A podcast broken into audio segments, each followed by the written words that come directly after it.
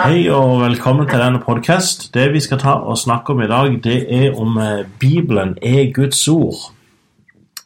For ikke så lenge siden så uh, hørte jeg en tale på uh, Facebook uh, hvor det var en forkynner som påsto at at Bibelen den inneholdt Guds ord, men at Bibelen ikke, ikke var Guds ord. Altså sånn at alt, at ikke alt som sto i Bibelen, var Guds ord. Er kanskje litt naiv, men uh, i utgangspunktet så tenker jeg jo at uh, det burde være naturlig for en som kaller seg kristen, å ha tro på at Bibelen er Guds ord. Men det er klart, uh, hans, hans, argument i det her, det var jo at i Bibelen så har du mange forskjellige håper å si, røster. Du har ting som Moses sier, du har ting som David sier, du har ting som ja, enda ting som, som djevelen sier.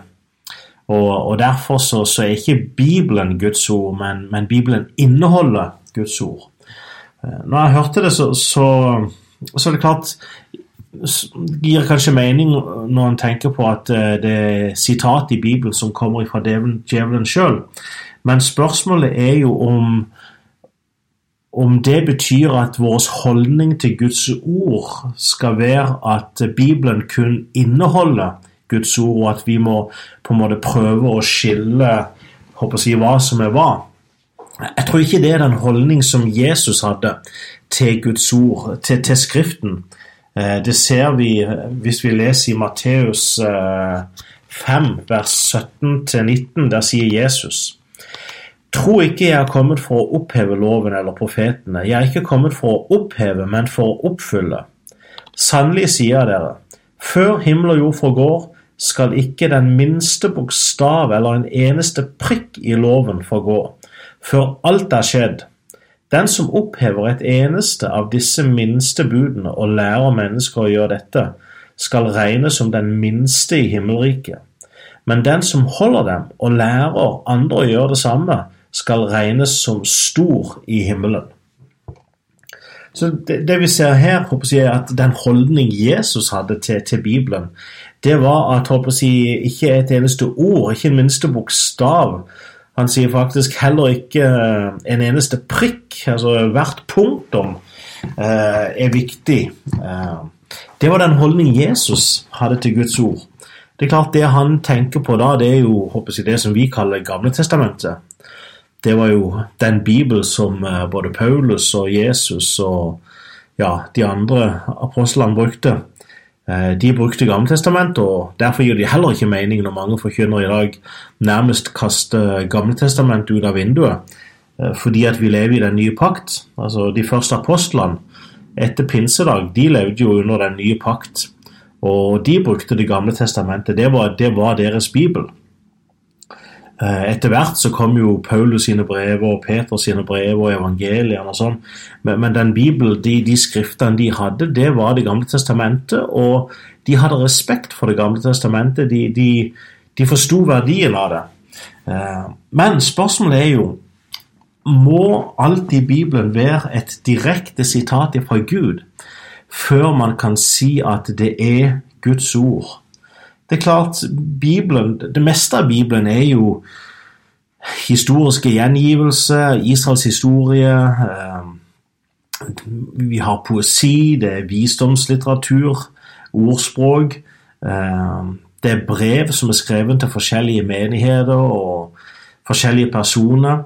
Og det er klart, I den, i den forstand så, så er jo nesten ingenting Guds ord i Bibelen. fordi stort sett alt av det er jo sitat som andre mennesker sier, eller uh, enda sitat si, som djevelen sjøl sier.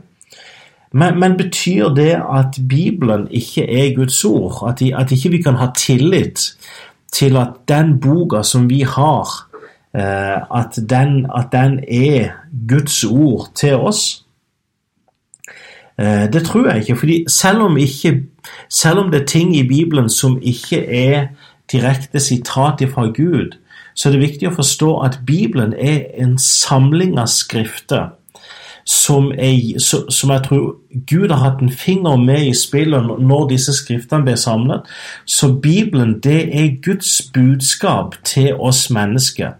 det, jeg, Bibelen det er den måten som Gud åpenbarer seg sjøl til oss.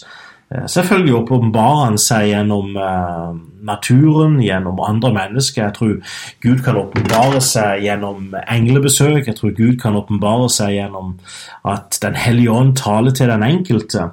Men han har gitt oss sitt ord for at det skal være på en måte et slags kompass, en rettesnor, som vi kan måle all annen åpenbaring opp imot. Eh, og Derfor er Bibelen så viktig. Så Bibelen er ikke Guds ord i den forstand at det er et direkte sitat fra Gud, men Bibelen er Guds ord i den forstand at det er et budskap som, som er gitt oss fra Gud, der Gud er inspirasjonskilden. Eh, Paulus han sier det på denne måten i 2. Timoteus 3,16. Der sier han hver bok i Skriften er innblåst av Gud og nyttig til opplæring, tilrettevisning, veiledning og oppdragelse i rettferdighet, så det mennesket som tilhører Gud, kan være fullt utrustet til all god gjerning. Så Paulus han sier her at Skriften og klart Her òg så, så, refererer nok Paulus til Det gamle testamentet, og han sier at Skriften er innblåst av Gud. Altså, Gud er inspirasjonskjelden bak, og han sier at den er nyttig til opplæring, til tilrettevisning, til veiledning, til oppdragelse i rettferdighet. Så det mennesket som tilhører Gud, kan være fullt utrustet til all god gjerning.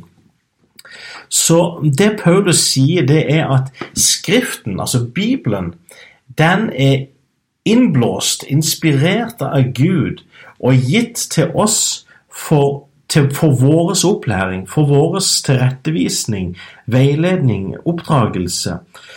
Bibelen det er det budskap som, som Gud har valgt å gi oss for, at, for å hjelpe oss i vår åndelige vekst. Eh, selv de deler av Bibelen som kanskje ikke er direkte sitat fra Gud, de har Gud allikevel valgt å ta med fordi at vi kan lære noe. Eh, det er klart I Apostelens gjerninger 17 så siterer jo Paulus hedenske profeter, eller poeter. Det kan godt være de var profeter òg, det vet jeg ikke, men han, i Apostelens gjerninger 17 så siterer han hedenske poeter. Det er klart De var ikke inspirert av Gud, men de sa noe som Gud valgte å ta med i sitt ord, for å være med og lære, veilede oss i, i vår vandring med Gud. Eh, andre steder så ser man at Paulus han bruker ordtak eh, som var kjent på den tida når han levde. Det er klart Disse ord, ordtakene var ikke nødvendigvis inspirert av, av, Gud, men Gud valgte å ta disse med fordi at de kunne være med og formidle et budskap. Og at Gud bruker mennesker. Gud bruker mennesker, Gud bruker begivenheter for å være med og undervise oss. Det er klart Judas brev siterer Enoks bok. Det er klart Enoks bok er ikke med i uh, den Bibelen vi har. Det er noen som diskuterer om kanskje Enoks bok burde ha vært med, siden Judas uh, siterer Enoks bok. Jeg tror ikke nødvendigvis at Enoks bok skulle ha vært med i Bibelen, men den delen som, en, som Judas siterer, den er inspirert av Gud. Det betyr ikke at hele Enoks bok er inspirert av Gud, men det betyr at det sitatet som, som Judas valgte å ta med, det kan jeg regne som Guds ord, som inspirert av Gud, for at det skal være med å lære meg noe. Det betyr ikke at alt som skjer i Bibelen, er Guds vilje. fordi i Bibelen så, så er det mange ting som skjer som ikke er Guds vilje. Eh, at Israel igjen og igjen vendte Gud ryggen. Det, det, var jo ikke Guds vilje at de skulle oppføre seg på den måten der. Men Gud har valgt å ta det med fordi at det er med å lære oss noe om eh, si, syndens konsekvens, om eh, Guds nåde, at Gud var nådig med dem. Så, så selv om det skjer ting i Bibelen som ikke nødvendigvis er Guds vilje, så velger Gud å bruke det for å formidle et budskap. Så Paulus han sier i 1. Korinterbrev 10,11 så sier han det som hendte med dem, skulle være til advarsel. Det ble skrevet til rettledning for oss. Dette skriver han altså om det som skjedde med Israels folk. Han sier det som hendte med dem, skulle være til advarsel. Det ble skrevet til rettledning for oss. Så med andre ord, det som, det som eh, skjedde i Det gamle testamentet her med Israels folk, som Paulus refererer til, det skjedde Gud tok det med fordi at det skulle være til advarsel for, for, oss, sånn at vi ikke skulle oppføre oss på samme måte som jeg håper å si, Israels folk. Og Det skriver Paulus til nytestamentlige kristne som lever under den nye pakt. Med andre ord, Paulus bruker det håper jeg, skrekkeksempelet fra Det gamle testamentet for å advare nytestamentlige kristne Eh, når det kommer til deres vandring med Gud. Det som skjedde, var ikke Guds vilje, men Gud valgte å ta det med fordi det kan lære oss noe. Når man leser hvordan Jesus ble frista i ørkenen, så er det klart så er det deler av den beretninga som, som, faktisk er sitat fra djevelen. Men Gud har valgt å ta det med, fordi at det som djevelen sier, det, det, kan lære oss noe om hvordan djevelen opererer, eh, jeg, hvordan fristelse, hvordan djevelen frister. Eh, det er klart den historien lærer oss noe om å motstå fristelse. Eh, det er mange ting vi kan lære fra den beretninga. Og selv om den beretninga har med ting som jeg håper å si, sitat fra djevelen sjøl, så er allikevel den beretninga utvalgt av Gud til å være med i Bibelen for at den skal undervise oss noe. Eh, du har David som falt i synd med Batsheba. Det, det var ikke Guds vilje. Men Gud har valgt å ta det med fordi at det formidler et budskap til oss mennesker om Gud. Davids fall med Batsheba, selv om, selv om det fallet ikke var Guds vilje, så lærer det fallet oss noe om Gud. Det lærer oss noe om hvor alvorlig Gud tar synd, men det lærer oss òg noe om hvor, nå, hvor nådig Gud er når vi vender om til Han og ber om tilgivelse. Så det er riktig, Bibelen er ikke Guds ord i den forstand at alt som står i Bibelen er direkte sitat fra Guds, Guds munn. Men Bibelen er et budskap som Gud har inspirert og valgt å gi til oss for at det skal være til oppmuntring, til trøst, til styrke, til veiledning, til advarsel i vår vandring med Gud.